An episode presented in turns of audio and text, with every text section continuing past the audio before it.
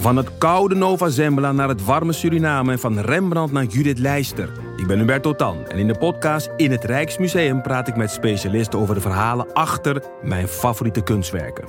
Nieuwsgierig? Beluister nu de nieuwe afleveringen. Luister jij al naar de podcast Co en Zo? Ik ben Rick Paul van Mulligen. Ik ben Nina de Lacroix. En samen met jouw man René voeden wij twee kinderen op in twee huizen. Co-ouderschap. We hebben het over alles wat je daarin tegenkomt. Maar ook over de juice tijdens onze kinderloze dagen, want die heb je ook in het co-ouderschap.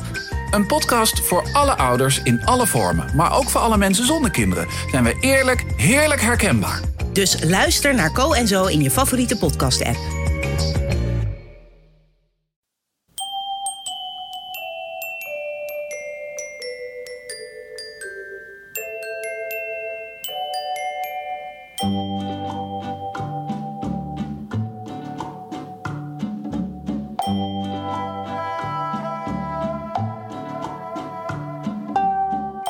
Welkom bij aflevering 140 van de Echt Gebeurd podcast. Waar waar gebeurde verhalen worden verteld door de mensen die het zelf hebben meegemaakt. In deze aflevering het verhaal van Botte Jellema. Het thema van de middag was Mijn Funny Valentine.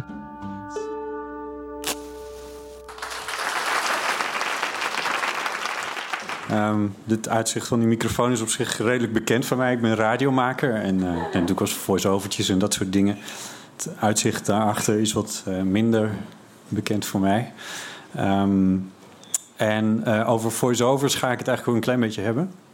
Ik wil jullie in eerste instantie eventjes meenemen naar toen ik een jaar of 13, 14, 15 was.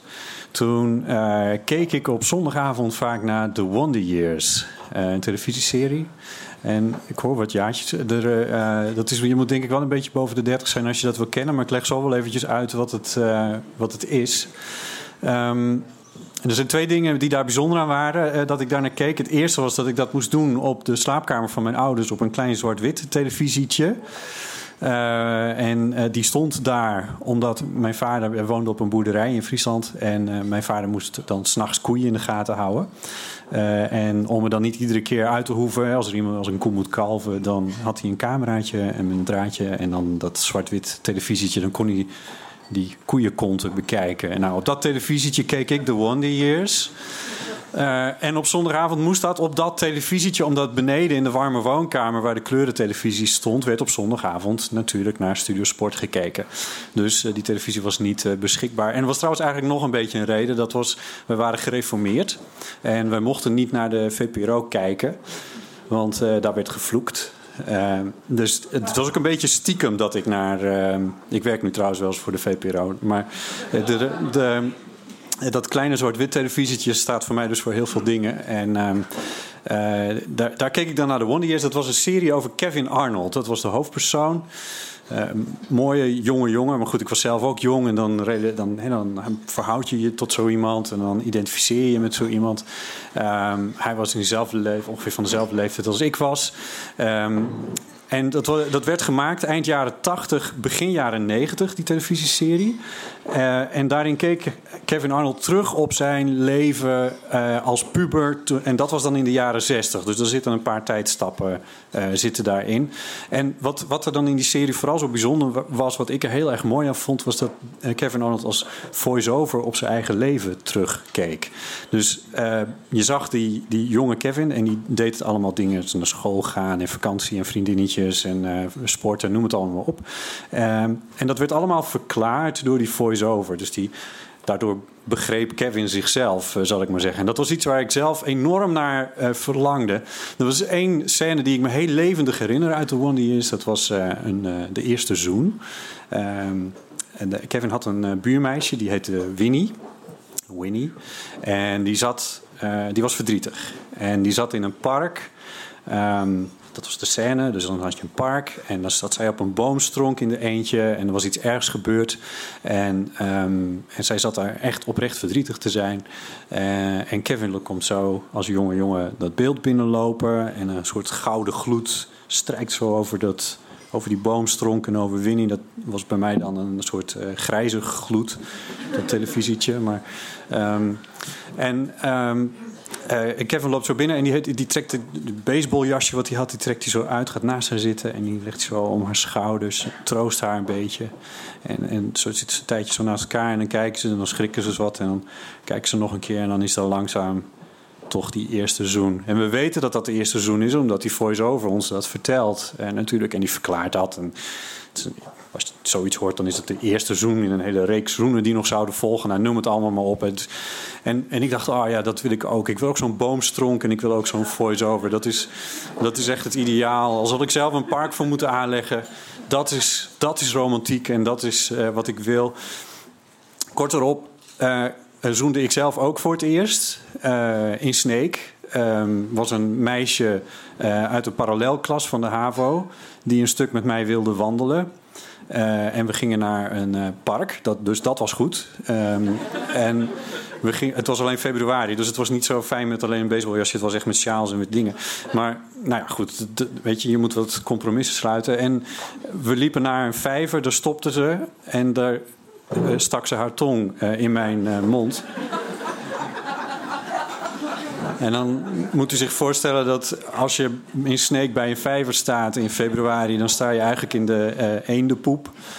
Um, en het waait. En het was ook niet op een mooie avond of zo. Het was gewoon in de kleine pauze. en dus, nou ja, er zaten in, het, zeg maar, in die hele scène wat dingen die, die nog niet helemaal strookten met mijn ideaalbeeld. En um, tot mijn, uh, tot mijn verdriet is dat eigenlijk mijn, dat ideaalbeeld toch altijd een beetje op afstand gebleven bij mij. Um, die boomstronk, die, die, die, die blijf ik maar onthouden. Maar ik probeer dat tegenwoordig te bereiken door uh, te tinderen. En um, ik, ik ben trouwens ook een beetje geswitcht van de meisje van toen. Dat zijn nu meer jongens dan. Um, en maar dat kan ook op Tinder. En dan uh, was er in januari, uh, afgelopen januari, een paar weken geleden, uh, was er een, een, avond dat het heel erg stormde. En ik was alleen thuis. En ik, ja, ik dacht, hier moet ik wat aan doen. Dit is niet goed. Dus ik zat vrij royaal naar rechts te swipen. Dat is de goede, de goede kant. Um, zo van, ja, weet je, die, die boomstronk, ja, Misschien dat er ergens eentje tussen. En meestal hoor je niks meer terug. Tenminste, ik niet. En er was op een gegeven moment een, um, een jongen die heette uh, Aaron. En die uh, had een Engels tekstje erop. En uh, was 25. Dat is een beetje jonger dan ik ben. En hij... Uh, hij zat aan de London School of Economics, stond daar. En hij was een, hij was een kilometertje bij mij vandaan, zoiets iets meer. En um, 25. En nou ja, omdat ik royaal, ik denk, nou ja, hij ook. Uh, niet het type jongen dat mij ook naar rechts swipet. Er zijn uh, drie hele mooie foto's erop staan. Uh, eentje in een soort academische omgeving met een mooi pak aan. En eentje met een soort vakantiefoto met een spijkerbroek t-shirt. En eentje dat hij vrij op, opgepompt op een sportschool was. Met een net iets te klein broekje aan, maar goed. dus ik denk, nou ja, daar horen we nooit meer wat van. Maar tot mijn stomme verbazing krijg ik een berichtje van uh, Aaron. Sterker nog, hij had mij dus eerst ook naar, nee, die kant, rechts, had hij me geswiped. En toen kreeg ik een berichtje van, uh, van Aaron. En um, dat hij dus in het Meuvenpik Hotel zat. En dat is dus een stukje bij mij fietsen, maar niet zo heel ver. En... Um, en daar, uh, daar had hij een, een soort conferentie gehad of zo. En hij, moest, hij ging de stad dan in om wat te eten met wat vrienden. En, en of ik even wilde wachten. En ik zei, ik, waarop. Um, maar nou ja, dat, dat kwam niet. Hij was al weg. Dat, nou ja, ik denk, nou ja, dat, dat, ja prima. Dus ik swipe verder. En uh, tot mijn verbazing, twee uur later, krijg ik ineens weer een berichtje van Aaron. Hij was weer terug. Hij had gegeten en hij had gedronken. En had ook wel redelijk wat gedronken, want het was allemaal LOL. Dus laughing out loud in die berichtjes. En uh, nee, hij had het erg naar zijn zin gehad. En, uh, all I need now is to be socked. LOL. nou, zal ik niet zeggen dat ik een heilige ben met die apps. Ik weet hoe dit gaat en ik doe er ook wel zo mee. Maar in dit geval was ik toch eigenlijk meer op zoek naar zeg maar, die boomstronk van, van Kevin dan de boomstronk. Maar goed. En um, dus, dus ik, ja, en bovendien, ik twijfelde ook een beetje van... ja, maak ik niet misbruik van de situatie dan? Want hij is, als hij zo dronken is... Dus ik vroeg hem van, ben, je echt uh, drunk drunk? Of is het, uh, valt het een beetje... No, no, uh, I'm not too drunk to get a hard on, lol. Ja, ik denk ja. Ik zit hier in mijn eentje. Het stormt buiten, het regent. Het is pokken weer, maar ik ben in mijn eentje. En als hij nou wel die jongen op de boomstronk kan zijn voor mij, dan ja, weet je, dus wat moet ik nou doen? Had, heb je dan maar een voice-over hè, die je dan even, even helpt? Ik besloot om er toch maar te naartoe te gaan. Dat wilde hij graag, wilde dat ik langskwam. Nou, vooruit. Um, dus ik jas aan en zo'n capuchon op en sjaal om. En nou, ik denk, ja, regenbroek kut heb ik niet. Nou ja, maar ja, hoe lang zal ik die broek aan hebben daar? Dus dat doet er misschien ook niet zoveel toe. Dus ik fiets door die storm naar het Meuvenpik Hotel. En, um, en ik kom daar aan en ik, uh, uh, ik zet die capuchon af en ik sla wat water van mijn mouwen. En het was echt verschrikkelijk hard aan het waaien. Het was echt, echt pokken weer.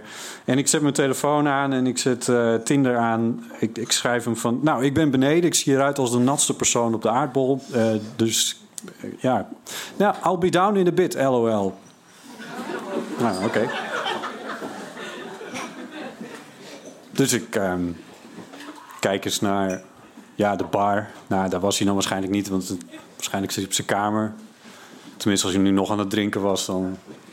En uh, de trap, nou, daar zal hij wel afkomen. Of wacht, daar was het liften, dat kan natuurlijk ook nog. En daar was de receptionist, die zat al eens naar me te kijken. En ik knikje, ik denk, ik ga jou ook niet alles uitleggen. Nee, ik bedoel, ja, hooguit wilde ik weten of ze een kamer met een boomstronk zouden hebben. Maar. Um, en dat duurt zo een tijdje. En, um, en ik denk, nou, Misschien, misschien is er iets, maar op zichzelf, het meuvenpik, het liften, dus dat gaat snel. Maar, dus ik pak mijn telefoon weer eens en ik kijk. En de chat is weg. En de foto's zijn weg. En het profiel is weg. Hij was er niet meer. Dus ik was daar in mijn eentje. Met mijn natte jas aan en mijn natte broek. En ik kon wel weer naar huis fietsen. En die boomstronk was wel echt heel erg ver weg. En terwijl ik dan naar, naar huis aan het fietsen was, was ik aan het nadenken van wat is hier nou eigenlijk precies gebeurd. En ik dacht, ja, waarschijnlijk zit al boven in het Meuvenpik nu een groep jongens. Echt rollenbollend van het lachen achter een raam. Van kijk die loser daar, die hebben we hier naar het Meuvenpik laten fietsen. Dus dat is niet zo goed gegaan. Maar ik ben onderhand wel een aardige voice-over geworden van mijn eigen leven. Dank jullie wel.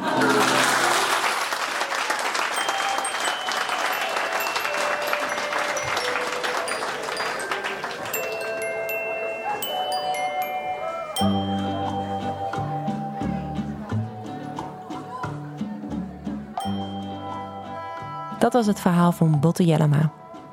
Botte heeft ook een eigen podcast en die heet De Eeuw van de Amateur. In deze podcast bespreekt hij samen met vriend Ipe Driessen allerlei dingen over media en cultuur. Je kunt de podcast in de iTunes Store vinden. Echt Gebeurd wordt iedere derde zondag van de maand opgenomen in Toemler onder het Hilton Hotel in Amsterdam. De redactie van Echt Gebeurd bestaat uit Paulien Cornelissen, Micha Wertheim, Maarten Westerveen, Eva Maria Staal en ikzelf, Rosa van Toledo. De techniek is in handen van Nicolaas Vrijman. Bedankt voor het luisteren en vergeet niet, mocht je je eigen voice-over willen, kom dan eens vertellen bij Echt Gebeurd. Doeg!